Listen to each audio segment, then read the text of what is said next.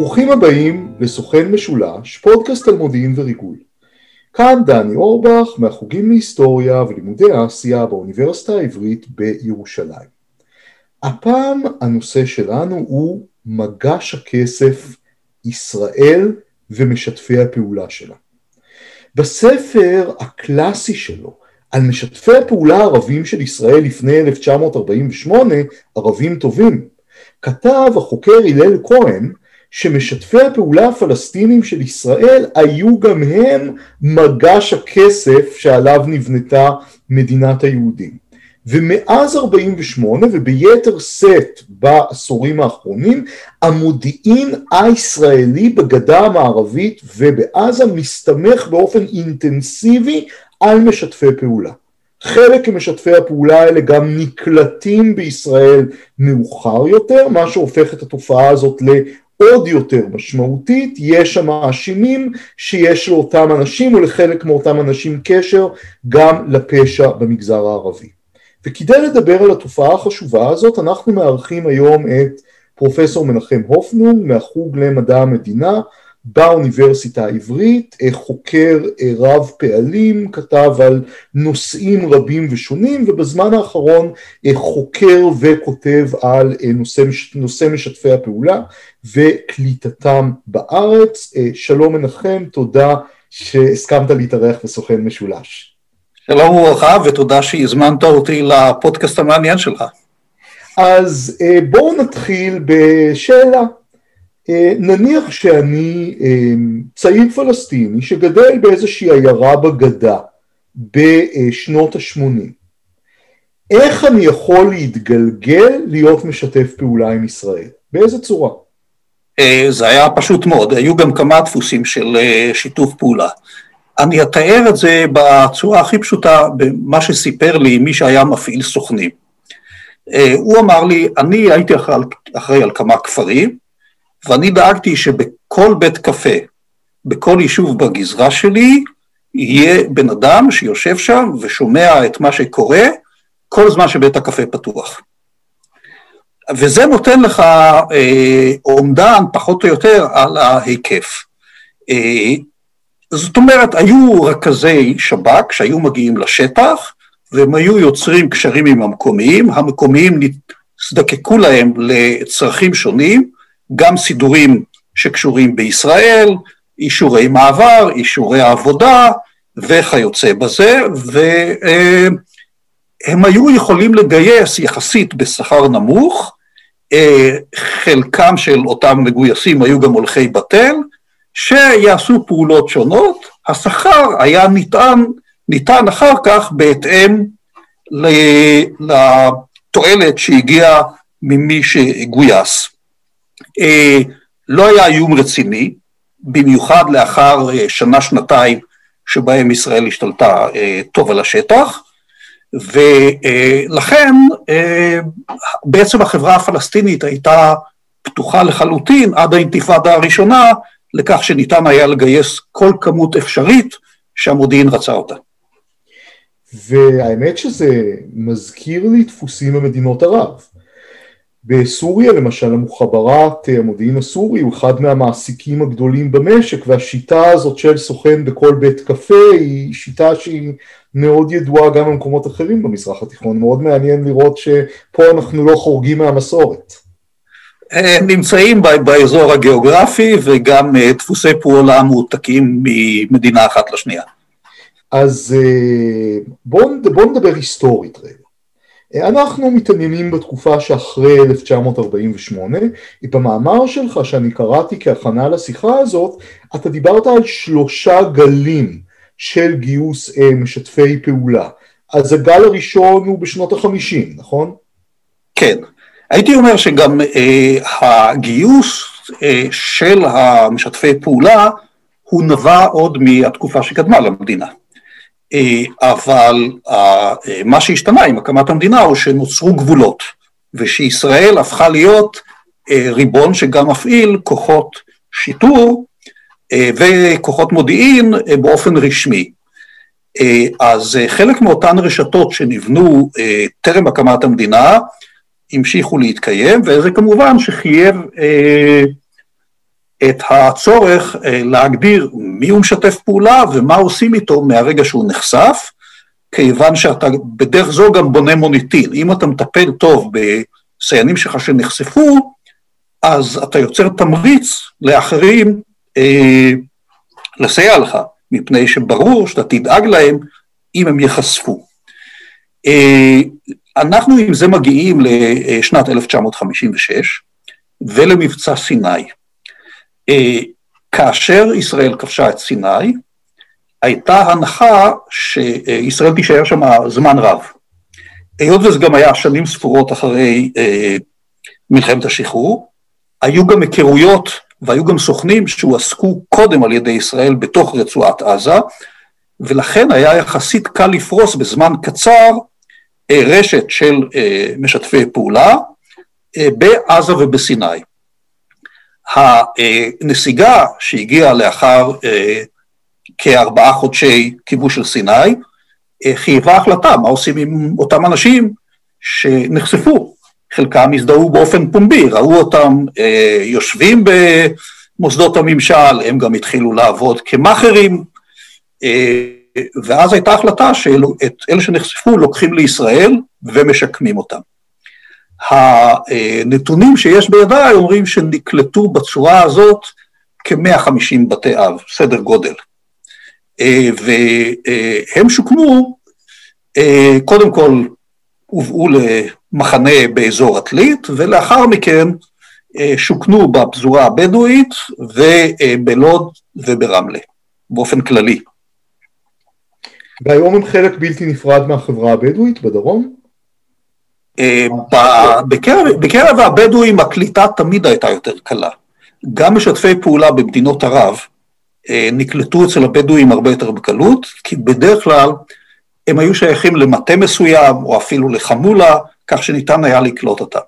אני גם רוצה לומר עם זה עוד דבר, שיחסית, אה, או נאמר את זה בצורה אחרת, הבדואים שימשו מקור לא אכזב לתנועה של מודיעין, הן של ישראל והן של מדינות ערב, מפני שהם נדדו, במיוחד בשנות החמישים, אה, בכל האזור, והיו עוברים את הגבול לעיתים תכופות, וגם היו להם קרובי משפחה מעברי הגבול.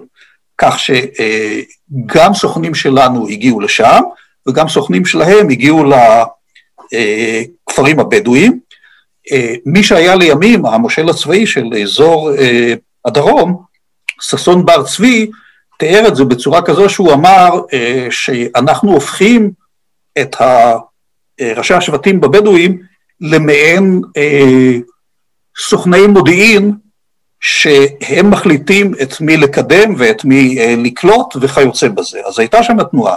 לכן לקלוט שם אנשים שנחשפו אה, זה לא הייתה בעיה מיוחדת. יותר קשה ויותר מסובך היה לקלוט את זה ברמלה ובלוד, אה, במיוחד בלוד, אה, ששם היו בתקופה הזאת הרבה בתים פנויים. עקב העזיבה או הגירוש של תושבי לוד במלחמת העצמאות. אז זה היה מקור לא אכזב, במשך השנים הם נטמעו באוכלוסייה המקומית. כמובן זאת הייתה תקופה בשנות החמישים שמערכת המודיעין הישראלית הייתה אה, מאוד מאוד כאוטית, אה, לפעמים חושדים במשתפי פעולה מסוימים שהם סוכנים כפולים. אה, סיפרת לי על מקרה כזה, תוכל לספר עליו למאזינים? כן, בתקופת היישוב השי העסיק סוכן ששמו היה קאסם עלי. קאסם עלי היה בעל אדמות באזור הרצליה, באזור של סידנה עלי, והוא תיווך בעסקאות קרקעות שונים, שונות אה, שבין הנהגת היישוב לבין אה, בעלי אדמות ערביים. וגם מסר ידיעות מודיעיניות שונות. לאחר שקמה מדינת ישראל, הוא כמובן שהמשיך לעבוד עם המודיעין הצבאי שהוקם, ובסביבות נובמבר 1948 עלה חשד שהוא סוכן כפול ושהוא מתכוון אה, להסתלק לאחת ממדינות ערב. אה, מי שהיה אז אה, ראש המודיעין, אה, איסר בארי, החליט אה, על דעת עצמו ככל הנראה, לחסל אותו. ושלח את אחד מפיקודיו שירה בו למוות ביערות הכרמל. כאשר העניין הזה נחשף, זה הביא לנפילתו הסופית של איסר בארי, שהוא עמד לדין, נידון בסופו של דבר לתקופה קצרה בבית הכלא ולקנס, אבל בעצם סיים את תפקידו. אה, אבל זה גם חייב החלטה מה עושים עם משפחתו של אה, אותו אה, קאסם עלי. אני לא אכנס לזה לעומק, אבל אני אומר שהרכוש שלו הותר, הוא שוחרר על ידי ונמסר בנאמנות לעזרא דנין, שהיה איש מודיעין רב פעלים. עזרא דנין דאג למכור את הרכוש ולתת את התמורה לאלמנה ולילדיה שנשלחו לטול כרם, שם אה, התגורר אביה. עכשיו, זה כבר הדוגמה הראשונה שאנחנו יודעים על כך שהוחלט שגם אם אי אפשר היה לשקם את האדם עצמו, כי הוא כבר נרצח, אז לפחות לטפל במשפחתו ולתת לה את היחס אה, ואת החזרת הרכוש, או לפחות את התמורה שלו, בצורה כזאת שיצרה את הבסיס לשיקום ולקליטה של אה, משתפי פעולה בעתיד. אז שתי הערות למען המאזינים, אנחנו מכירים את איסר בארי, אחד ממייסדי המודיעין הישראלי גם בשערורייה אחרת יותר ידועה, הוצאה להורג של מאיר טוביאנסקי, שנחשד כמרגל וממש נרצח אה, במשפט שדה, משפט קנגרו כזה על ידי אה, איסר בארי ואנשיו. ודבר שני, אני מפנה גם את המאזינים לשיחה שהייתה לנו עם נתנאל פלאמר על המודיעין של חמאס, שם הוא תיאר איך חמאס ניסה להכפיל, כלומר להפוך משתפי פעולה עם ישראל לסוכנים כפולים. בואו נחזור לתיאור ההיסטורי. אז הגל הראשון מבחינת שנים, הגל הראשון של גיוס אה, משתפי פעולה, איזה שנים אתה ממקם אותו? אני מדבר על התקופה שבין אה, מלחמת העצמאות ב-48' אה, עד אה, למלחמת ששת הימים. זאת אומרת, יש לנו קליטה שבתוכה יש לנו אירוע מרכזי אחד, שהוא אה, אה, מבצע קדש ב-1956, וחוץ מזה יש לך כל שנה טפטופים של סיינים שנחשפו במדינות ערב. צריך גם להגיד על זה עוד, עוד שני דבר, עוד אה, דבר אחד, אה, והיא הבחנה בין סוכנים לבין סייענים. בטרמינולוגיה שקיימת בארץ, אה, כולם מכונים סייענים, כיוון שב-1994 הוקמה המנהלה הביטחונית לסיוע, ובעגה המשפטית הם כולם נקראים סייענים. אנשי המודיעין מבחינים בין סוכנים שהם אה, מועסקים על ידי ישראל ונחשבים גם כלוחמים, והם בדרגה העליונה, ובין סייענים שהם בעצם מאכערים. אותם מאכערים שהם לא בהכרח מוסרים ידיעות מודיעיניות, אבל הם בקשר עם זרועות הביטחון, והם מתווכים בין זרועות הביטחון לבין האוכלוסייה המקומית. אה, אלה שאנחנו מדברים עליהם בשנות החמישים, ופה אני מתייחס לא לאזרחי ישראל הערבים, אלא רק לאוכלוסייה שמחוץ לישראל, אה, אלו בדרך כלל סוכנים.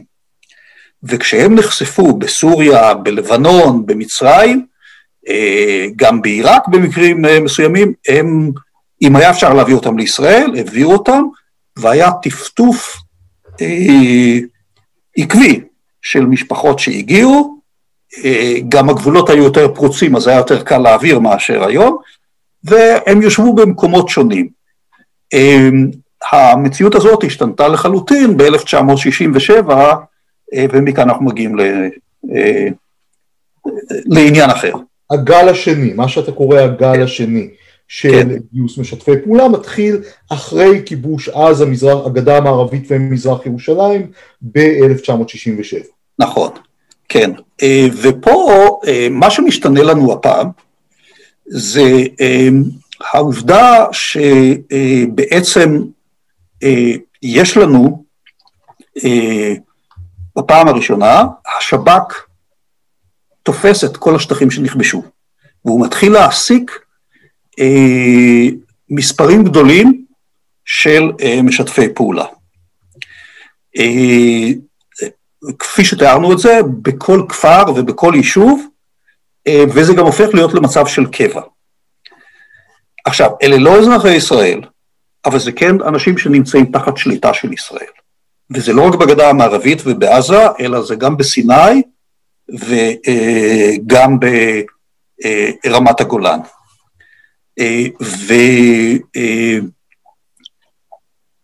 ולאט לאט מגיעים למצב שישראל מתחילה לפנות את השטחים.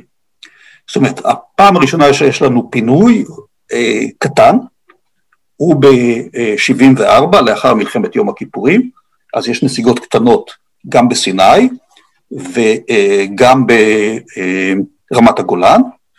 מאוחר יותר אנחנו מגיעים למצב שכל סיני מפונה, וכשסיני מפונה, אז זה קורה גם בתחילת סיפור אחר, שהוא כניסת ישראל ללבנון. אבל בעצם ב-82 יש לנו, הכניסה ללבנון, זה הפעם הראשונה, או הפעם האחרונה שישראל מתרחבת גיאוגרפית. מ-82 אנחנו רואים רק התכנסות שהיא הולכת בצורה עקבית יותר ויותר לקראת ישראל של גבולות 49. זאת אומרת, מ-82 אין לנו תוספות גיאוגרפיות, רק נסיגות. וכל נסיגה מביאה איתה קליטה של אה, אה, זרמים גדולים של אה, סייענים ומשתפי פעולה, סוכנים, סייענים, כל השמות ביחד. אז כאן אנחנו מגיעים לגל אה, נוסף. גל שלישי כן. מתחיל עם האינתיפאדה הראשונה, נכון? אה, הוא מתחיל עם האינתיפאדה הראשונה, כן, ונמשך אה, עד אה, 99. אה, אז אה, באינתיפאדה, זאת אומרת, עיקרו של הגל הזה מתחיל, אני לפני זה אומר עוד משהו על הגל השני, mm-hmm. יש לנו כאמור ב-82 קולטים מסיני, ב-83 יש נסיגה בלבנון לאוואלי, ב-85 לרצועת הביטחון, וכל אה, נסיגה כזאת מחייבת פינוי של אנשים מהשטח. ב-87 מתחילה תקופה חדשה, והיא האינתיפאדה הראשונה בשטחים. אה, כבר בתחילת האינתיפאדה, הפלסטינים אה, יוצאים כנגד משתפי הפעולה, עם כמה מקרי לינץ' שהביאו משתפי פעולה אחרים להתוודות ולחשוף את עצמם ולבקש מחילה בכפרים. אבל זה יצר איום אה, ממשי על משתפי הפעולה שהיו בשטחים, וישראל מתחילה, מתחילה להכין תוכנית יותר מסודרת. להבדיל ממה שקורה אחרי 87, אה, עד אז, במשך 40 שנה, כל יחידה הייתה אחראית לשקם את אה, הסוכנים שלה. ודאגה להם לצורות שונות של אה, סיוע. אה, ב-88' אה, מבינים בשב"כ שאנחנו נמצאים במציאות אחרת וכנראה שיהיה צריך לקלוט הרבה אנשים. ואז מקימים יחידה קטנה בשב"כ, שהתפקיד שלה הוא לשקם משתפי פעולה וליצור דפוסים מסודרים. בתקופה הזאת גם יש ניסיון ראשון לקליטה מסיבית, ניסיון שלא חזר מאז. לקליטה וליישוב של אה, סיינים בצורה מאורגנת בלוד עצמה. ניסיון שנכשל, כיוון שהאוכלוסייה המקומית לא אהבה את זה. היהודית או הערבית או שתיהן? האוכלוסייה הערבית. ערבית. זאת אומרת, זה היה בשכונת הרכבת. Mm-hmm. שכונת הרכבת היא שכונה של ערבי, ערבית, שהם לא אהבו את השיכון של משתפי פעולה דרכם. אה, השב"כ קנה שם בניינים.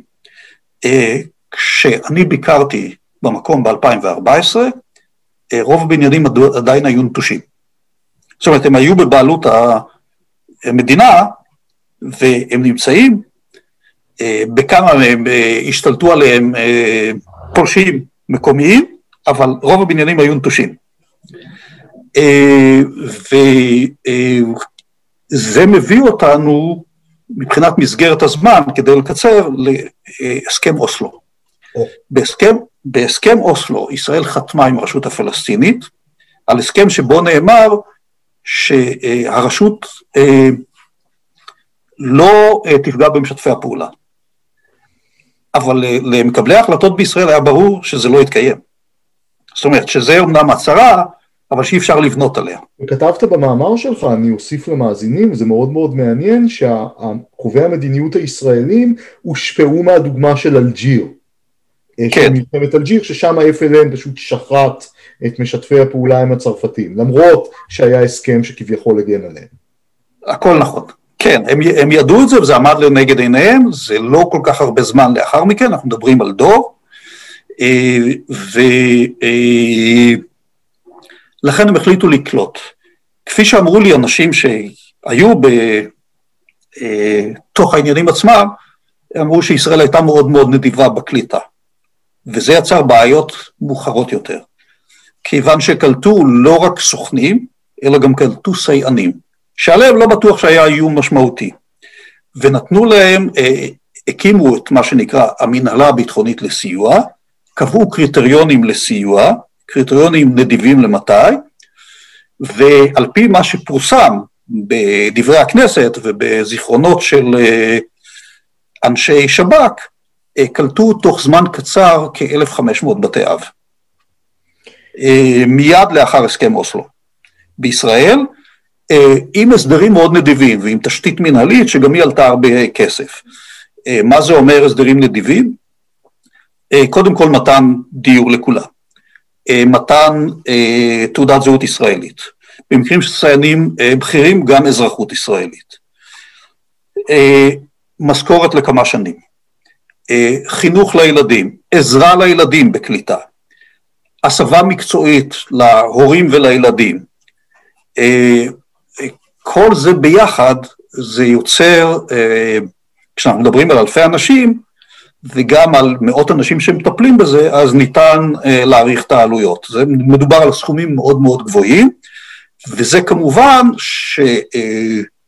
שנודע גם בשטחים, כך שזה יוצר ביקוש למעמד של הסייען וציפייה שגם מי שייחשף בעתיד יזכה לתנאים דומים. במאמר, במאמר שלך כתבת משהו מאוד מרתק על זה, שמאז שאבו מאזן עולה לשלטון, אני חושב שזה ב-2004, נכון? נכון. אה, אבו מאזן עולה לשלטון ומבטל את עונש המוות על משתפי פעולה, אבל התוצאה היא שיותר משתפי פעולה בורחים לישראל, ולא פחות.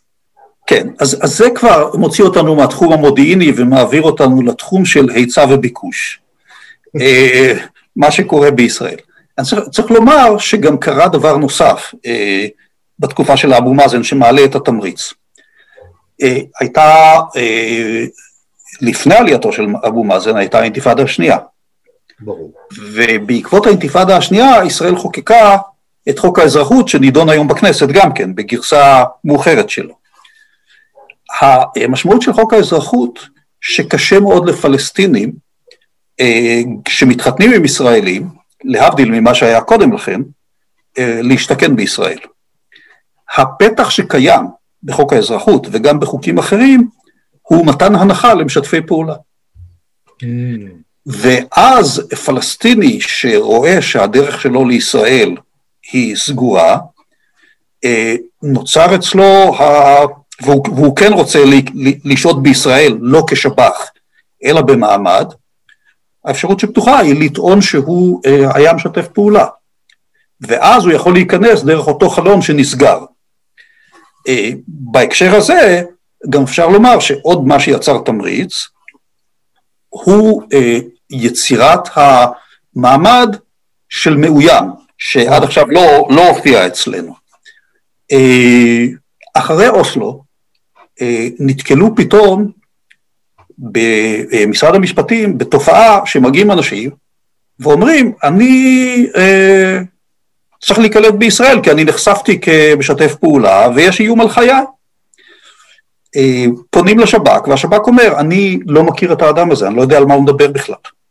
או שאומרים דבר אחר, כן, אנחנו נפגשנו איתו וסיכמנו איתו שהוא יעבוד עבורנו, אבל הוא לא מילא את חלקו בהסכם.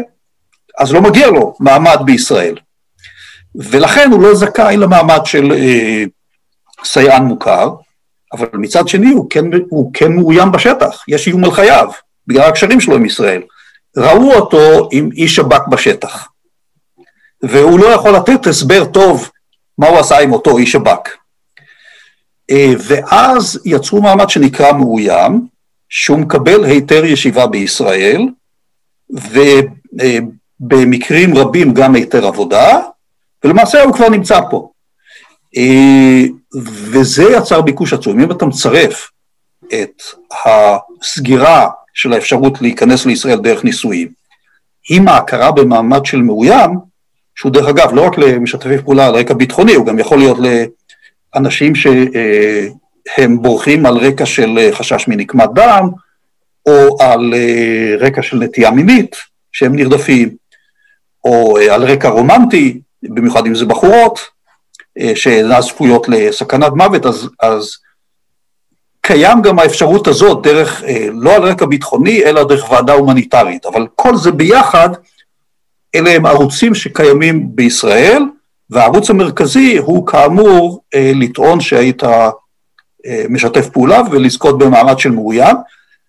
עכשיו, אני אוסיף על זה גם שגם אם אתה לא זוכה למעמד של המאוים, ברגע שהעניין של אותו טוען למאוימות תלוי ועומד, אה, או בבית משפט או במה שנקרא ועדת המאוימים, הוא נשאר בישראל. כך שלמעשה מי שמגיע לישראל וטוען למאוימות, יישאר פה לתמיד, בלי קשר למה תהיה ההחלטה המשפטית או ההחלטה של ועדת המאוימים. דבר מדהים, פשוט ערוץ כניסה לישראל בדלת האחורית. פה אני רוצה לשאול שאלה. כן. לא מזמן אנחנו התבשרנו שהשרה איילת שקד, שידועה ביד קמוצה יחסית בנוגע לאישורים פלסטינים להיות בישראל נתנה אזרחות, ממש, לא זוכר אם תושבות קבע או אזרחות, אבל אחד מהם לפלסטיני שהציל משפחה יהודית שעמדה בסכנה אה, באיזשהו פיגוע בשומרון. אז פה אנחנו רואים עוד הגדרה של משתף פעולה שאולי לא הייתה לנו קודם. מה שרציתי לשאול בהקשר הזה, זה שאולי תמפה עבור המאזינים מה אדם צריך לעשות בשביל להיות משתף פעולה, בשביל להיות סייען. דיברנו על מאוים, אבל מה קשת הפעולות, השירותים שאתה יכול לתת למודיעין הישראלי או לישראל כדי לזכות במעמד הזה? אה, אני אומר ככה, הקריטריונים עצמם הם לא פורסמו מעולם. את הקריטריונים שאני אה, יכול לנקוב בהם, זה כאלה שעולים מתוך הקריאה של החומרים הגלויים שאני ראיתי. בעיקר תיקים משפטיים, שאותם אה, ניתן אה, למצוא די בנקל ברשת, במיוחד מי שיש לו גישה למאגרים המשפטיים. אז הקריטריון הבולט ביותר הוא כמות הסיוע שאתה נתת. זאת אומרת, הערכה של אנשי מודיעין, מה הייתה איכות החומר שאתה סיפקת, כן? זה הקריטריון המרכזי שעל פיו אתה תוכל לקבל. זה יכול להיות על פעילות מתמשכת, וזה גם יכול להיות על פעילות חד פעמית, אם היא הייתה מאוד מאוד איכותית. אה, למשל, האדם שהביא לחיסולו של המהנדס, יחיא עייש, הוא קיבל סיוע מאוד נרחב על פעולה אחת שהוא עשה, אבל מאוד איכותית. חוסיין כאמל, אם אני זוכר. שכחתי את השם. כן, כן. אה, ואז אה, זאת הדוגמה, זאת אומרת, זה, זה, זה, זה עיקרון העל. אה, מחוץ לזה יש תבחינים נוספים שהם יכולים להיות. בעבר לא הייתה כאמור ההבחנה בין מאוים לבין סייען, זה דבר שנוצר ב-1998. בקליטה של אותם 1,500 בתי אב, ב-1994, היו אנשים שעל פי התבחינים המאוחרים יותר הם לא היו מקבלים את המעמד של סייען. אה, יש גם הבחנה שקיימת אה, לגבי אה, אנשי צד"ל, שהיא אחרת. הם קיבלו אזרחות, נכון? אזרחות ממש. כן, הם קיבלו כולם על פי חוק אזרחות. אבל שם מבחינת רמות הסיוע שהם מקבלים יש הבדל. וההבדל הוא בעיקר על פי הדרגה הצבאית וגם על פי התועלת המודיעינית.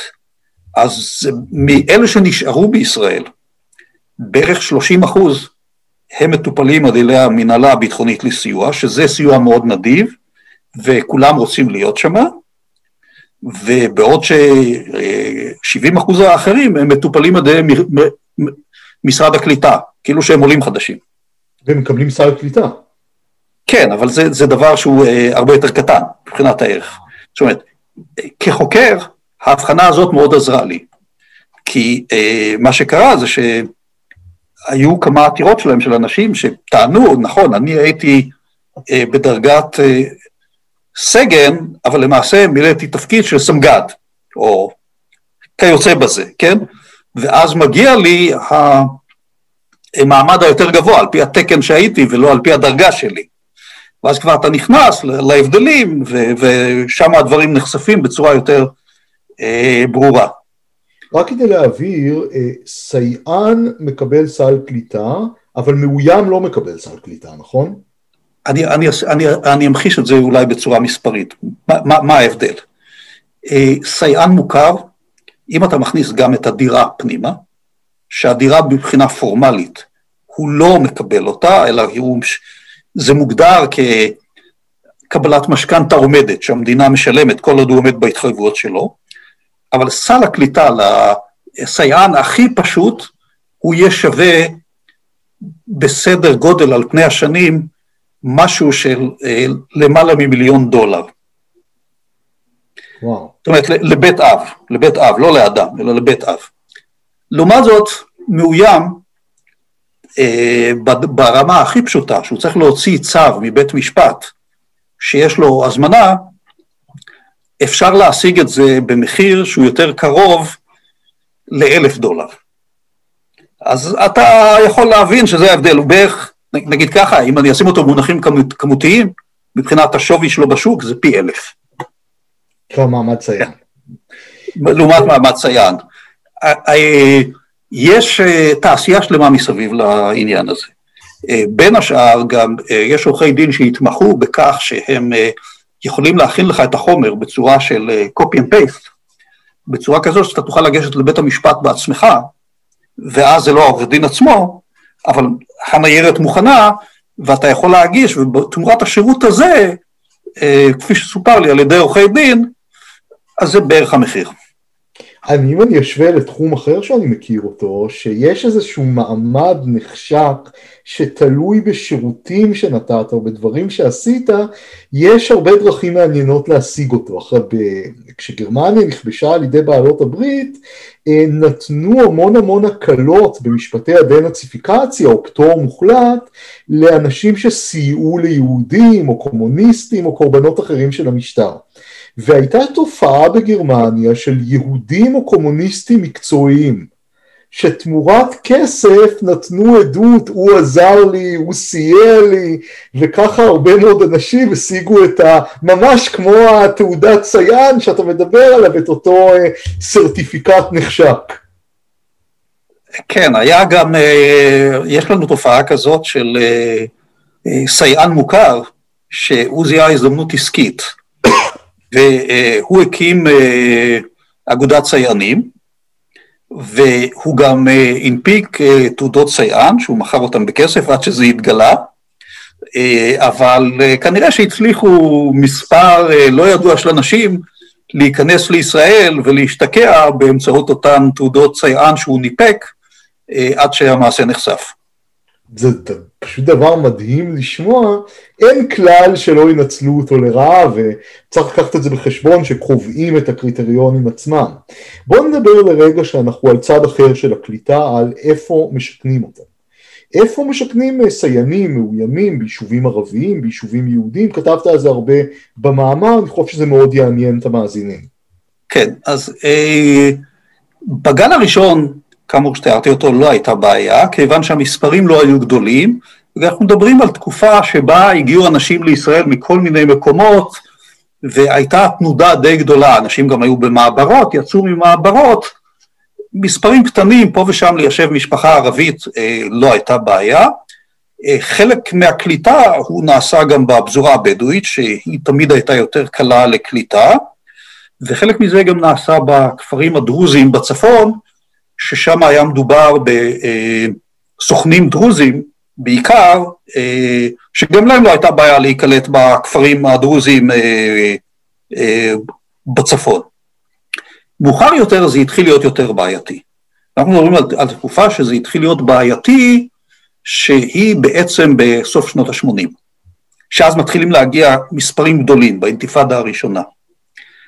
אה, אה, לפני שאני אגיע לאינתיפאדה הראשונה, אני אומר שגם את אנשי צד"ל יחסית זה היה יותר קל. קלטו אותם גם ביישובים יהודיים בצפון, כמו נהריה, קריית שמונה, טבריה, אה, מפני שגם האוכלוסייה היהודית ראתה אותם כאנשים שסייעו לישראל, להבדיל מאנשים שהגיעו מהגדה ועזה, הם גם הגיעו אה, כיחידות צבאיות, כך שהיה להם גם מבנה חברתי שהוא הקל מאוד על הקליטה. כי אה, היה שם המג"ד, והיה לפעמים המח"ט, והיה קשר בין האנשים כך שזה הקל הרבה יותר. אה, אז אה, כאמור, קלטו אותם גם בעכו, גם בכמה כפרים נוצריים בצפון, יחסית זה היה יותר חלק. כשאנחנו מגיעים לסוף שנות ה-80, היה בתחילה ניסיון לשכן בכפרים ערביים, וזה עלה די מהר על סרטון, מפני שהאוכלוסייה הערבית ראתה בהם בוגדים.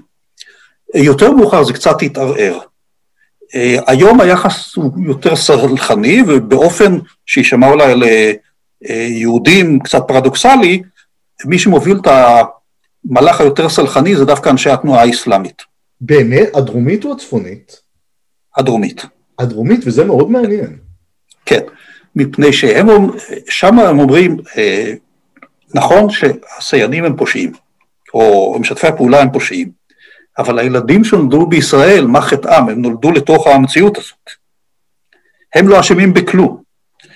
ולכן היחס אליהם הוא כבר במקומות מסוימים, אני לא אגיד בכל המקומות, אבל הוא יותר סלחני. יותר קל להם היום להתחתן ולהיטמע בתוך האוכלוסייה הערבית המקומית, וזה אגב, זה לא רק אנשי התנועה האסלאמית, זה, זה ויכוח שמתקיים בחברה הערבית. איך להתנהג, במיוחד כלפי הדור השני. אה, מפני שאנשים שהגיעו בזמן אוסלו, אנחנו כבר כמעט 30 שנה לאחר מכן, בקירוב, כן? 27 שנים לאחר מכן, אז כבר זה ברור שמי שנולד בישראל ב-94 הוא כבר היה אדם בוגר, הוא כבר יכול להיות עם תואר שני באוניברסיטה. תיארת איזה אירוע אבל מאוד קשה. כן, אז אני אגיע עכשיו לכפרים הערבים. אה, ובכפרים הערביים הם נתקלו ביחס קשה. לא תמיד גם היה אפשר לזהות אותם, לקח זמן עד שלמדו לזהות אותם. אה, וניסו בהתחלה להסוות את זה, אבל לאט לאט זה יצא. בין השאר זה יצא, וזה החריף, כתוצאה מכך שהיו סייענים שנקטו בפעילות אלימות לרבות שימוש בנשק. הנשק ניתן להם להגנה עצמית. ובסוף שנות התשעים אנחנו אה, חוזים בכמה אה, אירועים מאוד מאוד אלימים, עם הרוגים בכפרי המשולש. אה, בעיקר האירועים היותר אלימים שידועים זה בבאקה אל-רביע ובאום קוטוף. אה, וכתוצאה מהאירועים האלימים האלה, אה, הבינו בשב"כ שזה מסוכן מדי לשכן משתפי פעולה בכפרים הערבים. אני... באקה אל-גרבייה זה היה ויכוח על חנייה, נכון? שהידרדר ל... זה התחיל בוויכוח על חנייה, שסייען לשעבר ירה באדם שאיתו הוא התווכח, והתוצאה הייתה שהתחילו שם מהומות, ידעו איפה בתי הסייענים, תקפו אותם בלילה, בליל הבחירות הכלליות בישראל ב-1999, אה, המשטרה נאלצה להגיע ולפנות את אה, אה, כל הסייענים לשעבר ומשפחותיהם, ובמהלך האירוע הזה ארבעה אנשים נשרפו למוות כאשר הבתים של אותם סייענים בעצם נשרפו. האירוע הזה וכל ההשתלשלות, היא נחשפה לי על ידי קריאה של תיק שעסק בענייני מס הכנסה, של אדם שביקש פיצוי על הרכוש שלו שנשרף. כן, אז לפעמים זה מראה לך איך תיקים משפטיים מתארים לך תיאור ענייני לצורך הכרעה בעניין שהוא בכלל לא שייך לענייני הסייענות. ואחרי כן. שהשב"כ התייאש מהעברה שלהם לכפרים ערביים, מה השלב הבא?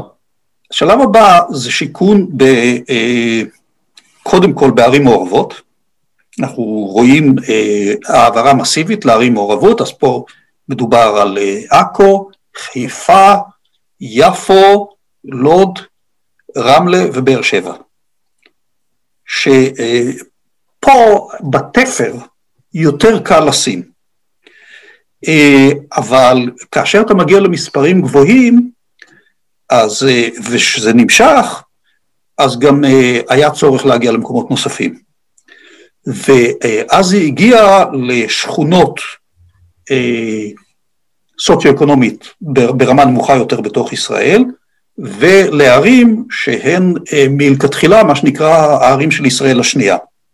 לכך היו כמה סיבות. א', המחיר של הדיור הוא הרבה יותר נמוך שם, אז זה עולה פחות. לשב"כ. למדינה, למדינה. כן, כן, זה, זה עולה הרבה פחות. דבר נוסף, האוכלוסייה המקומית, קשה לה יותר להתנגד.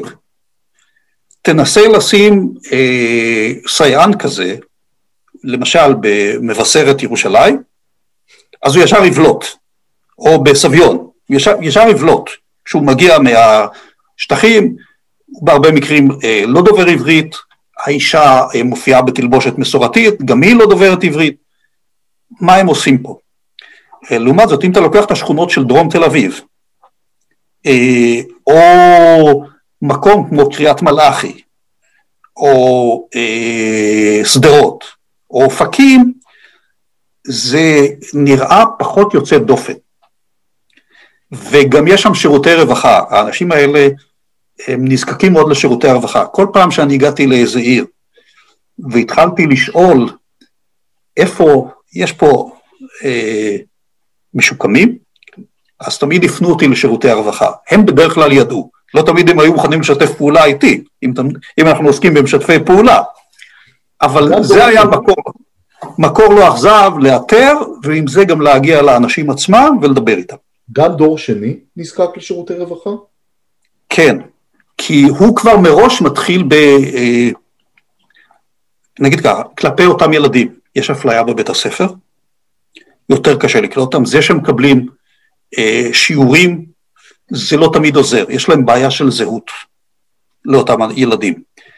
אה, אתן לך דוגמה, הייתי באחת מערי הדרום, ואני יושב עם משפחה כזאת בסלון, והילדים אומרים לי, אנחנו למדנו בבית ספר חרדי.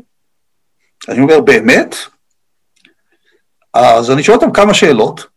אה, הם מפגינים אה, בקיאות מופלאה בחגי ישראל, גם יודעים את השירים של החגים, אבל מה, זה לא היה בית ספר חרדי בדיוק, הם אמרו שזה חרדי, זה היה בית ספר של טלי, אבל זה בית ספר אה, שהוא, שהוא חלק מהחינוך הממלכתי-דתי, כן? הם ידעו, עכשיו, זה היה דבר מוזר מאוד, כי הם היו ילדים של מאוים, והם כבר היו גדולים. הם היו בסוף התיכון. אז עברית היא שפת האם שלהם. מצד שני, כשרואים אותם ברחוב, המשטרה עוצרת אותם ואין להם תיעוד.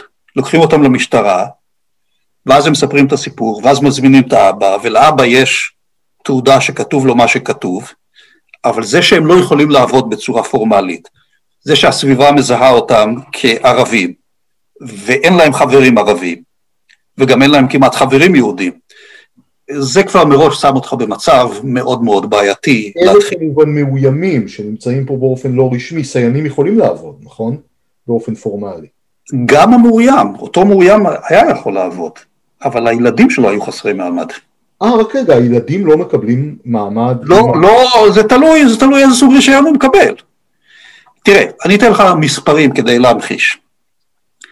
בשנים, אנחנו יודעים את זה פשוט דרך עתירה שהוגשה על פי חופש המידע, וועדת המאוימים מסרה מספרים. אז בשנים 2016-2019, הם בארבע שנים, הם עסקו בקרוב ל-4,300 פניות להכרה כמאוים. זאת אומרת, סדר גודל של כמעט 1,100 פניות לשנה. לטענתם, מה שהם כתבו בתשובה לעתירה, המספר, שבאותה נקודה שזה היה בתחילת 2020, היו בארץ 66 אנשים בעלי היתרים. אז אתה כבר מבין, אנחנו מדברים על בערך אחוז וחצי, כן? אולי אפילו פחות, כי הבעלי היתרים יכול להיות שזה גם שנים קודמות. ובהיתר תלוי מה כתוב. אבל הרבה פעמים זה לא, לא חל על הילדים, כי הילדים הם לא מאוימים בשטחים. אז זאת אומרת, אבל רק להדגיש, אם אתה לא מאוים אלא סייען, בונפידה סייען, כן. אז יש לך זכויות מלאות גם לך, גם לילדים שלך. אם אתה מאוים, לא בהכרח. זה רצף שלם, אוקיי? נתחיל ככה, סייען בכיר, הוא מקבל, הוא וילדיו מקבלים אזרחות ישראלית. אז הוא יש לו זכויות מלאות. סייען פחות בכיר יקבל תעודת זהות כחולה. לא תמיד עם הילדים, אבל בדרך כלל כן, הילדים יקבלו גם, המשפחה. וזאת אומרת שהוא, אה, עכשיו אני מדבר בלשון זכר כי 90 וכמה אחוזים, 98, 99 אחוזים, אנחנו מדברים על גברים. יש, המספר של הנשים הוא מאוד מאוד נמוך. הנשים הן בדרך כלל נלוות לבעלים. אה, אז אה, כשאנחנו מדברים על, על, על אה, סייען מהדרג הזה, להצביע לכנסת הוא לא יכול, וגם הוא יכול להיות מגורש, המעמד יכול להיות מבוטל. אם הוא למשל עוסק בפעילות פלילית, המעמד יבוטל. מתחת לזה יש לנו את המעמד של המאוים, יש לנו את הנספחים למאוים, שזה המשפחה שלו, ומעבר לזה יש גם שב"חים שמועסקים או על ידי סייענים לשעבר, או על ידי מאוימים, או גם על ידי אה, מעסיקים ישראלים. אבל הרבה פעמים כשסייען לשעבר מקים עסק, אז זה לא יהיה נדיר למצוא שהעובדים בעסק הם שב"חים שהוא דאג להביא אותם לישראל. ממש שרשרת מזון. כן. עכשיו לקראת אה, סיום אני רוצה לדבר על הפיל שבחדר. יש uh, טענות שעכשיו עולות באופן מאוד חזק, כי הרי הפשע במגזר הערבי עלה באופן מאוד מאוד משמעותי לכותרות. Uh, הטענות האלה באו גם מצד הרשימה המשותפת, גם מצד אתרים כמו uh, שיחה מקומית, הייתה על זה כתבה של טני גולדשטיין בעיתון זמן ישראל. הטענה בווריאציות שונות היא שהפשיעה במגזר הערבי נגרמת אה, בראש ובראשונה על ידי אה, סייענים, מאוימים, משתפי פעולה מכל מיני סוגים, ושהמשטרה והשב"כ נותנים להם חסינות, ומהסיבה הזאת המדינה לא מסוגלת למגר את הפשיעה במגזר הערבי. מה דעתך על הטענות האלה?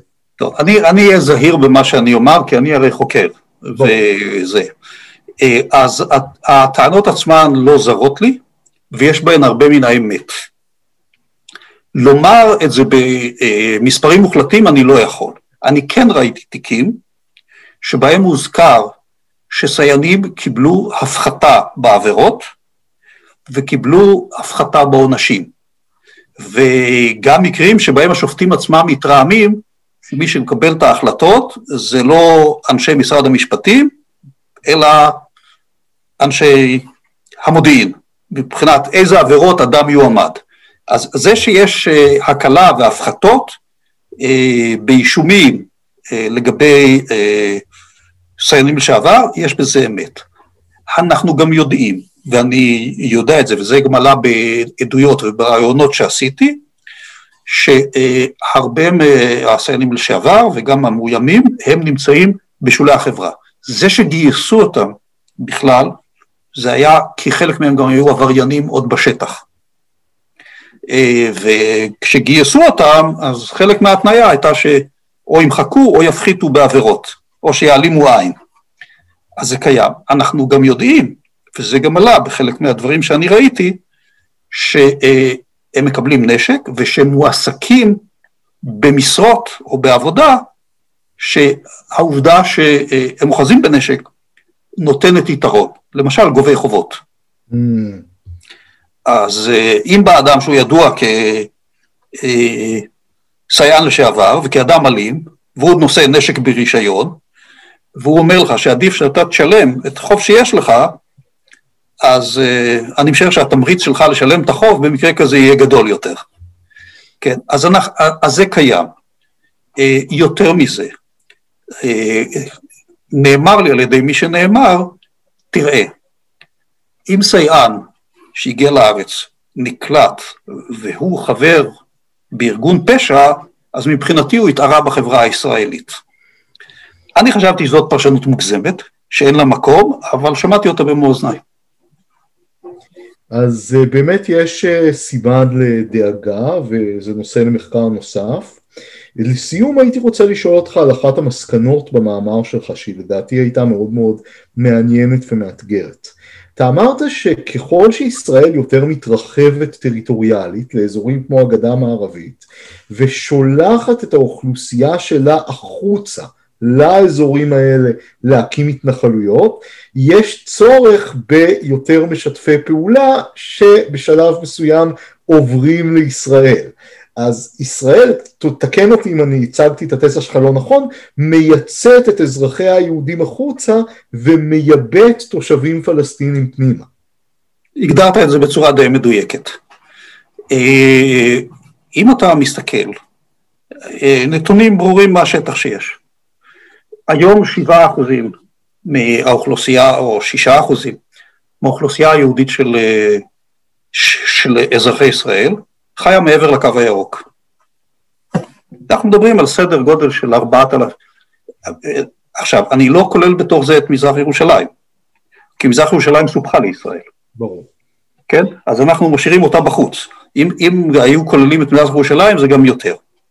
אבל אה, חיים מחוץ למדינת ישראל, אותם 450 אלף, אה, או לגבולות מדינת ישראל. אה, לעומת זאת, מאות אלפי ערבים וצאצאיהם אה, נקלטו בישראל מאז 67' אה, וממשיכים להיקלט. אה, כשאני אומר לך שהיו למשל בארבע שנים 4,300 פניות למאוימות, אז נכון שחלק מאותן פניות הן חוזרות ונשנות של אותם אנשים, אבל יש הרבה פניות שכוללות שמונה ותשעה אנשים. יש לנו מספר של כולל של סיימים ומאוימים שחיים היום בישראל? לא, קשה גם ל- ל- לעשות מספר כזה, כי אנחנו מדברים על תהליך שכבר נמשך 70 שנה, אפילו מאז אוסלו, כבר אנחנו 27 שנים, ויש לך אנשים שכבר התערו לגמרי בחברה הישראלית, אז יש למשל אדם שהסבא אולי היה סייען, mm. אבל כבר בדור השני זה שניים בעלי אזרחות ישראלית וכן הלאה, וזה יכול להיות חצי וזה יכול להיות רבע, אז כבר אתה יכול אולי להעריך את התרומה של זה לגידול האוכלוסייה בישראל, אבל אי אפשר לתת מספר כולל כשיש לך אנשים שהם בכל מיני סטטוסים של ביניים.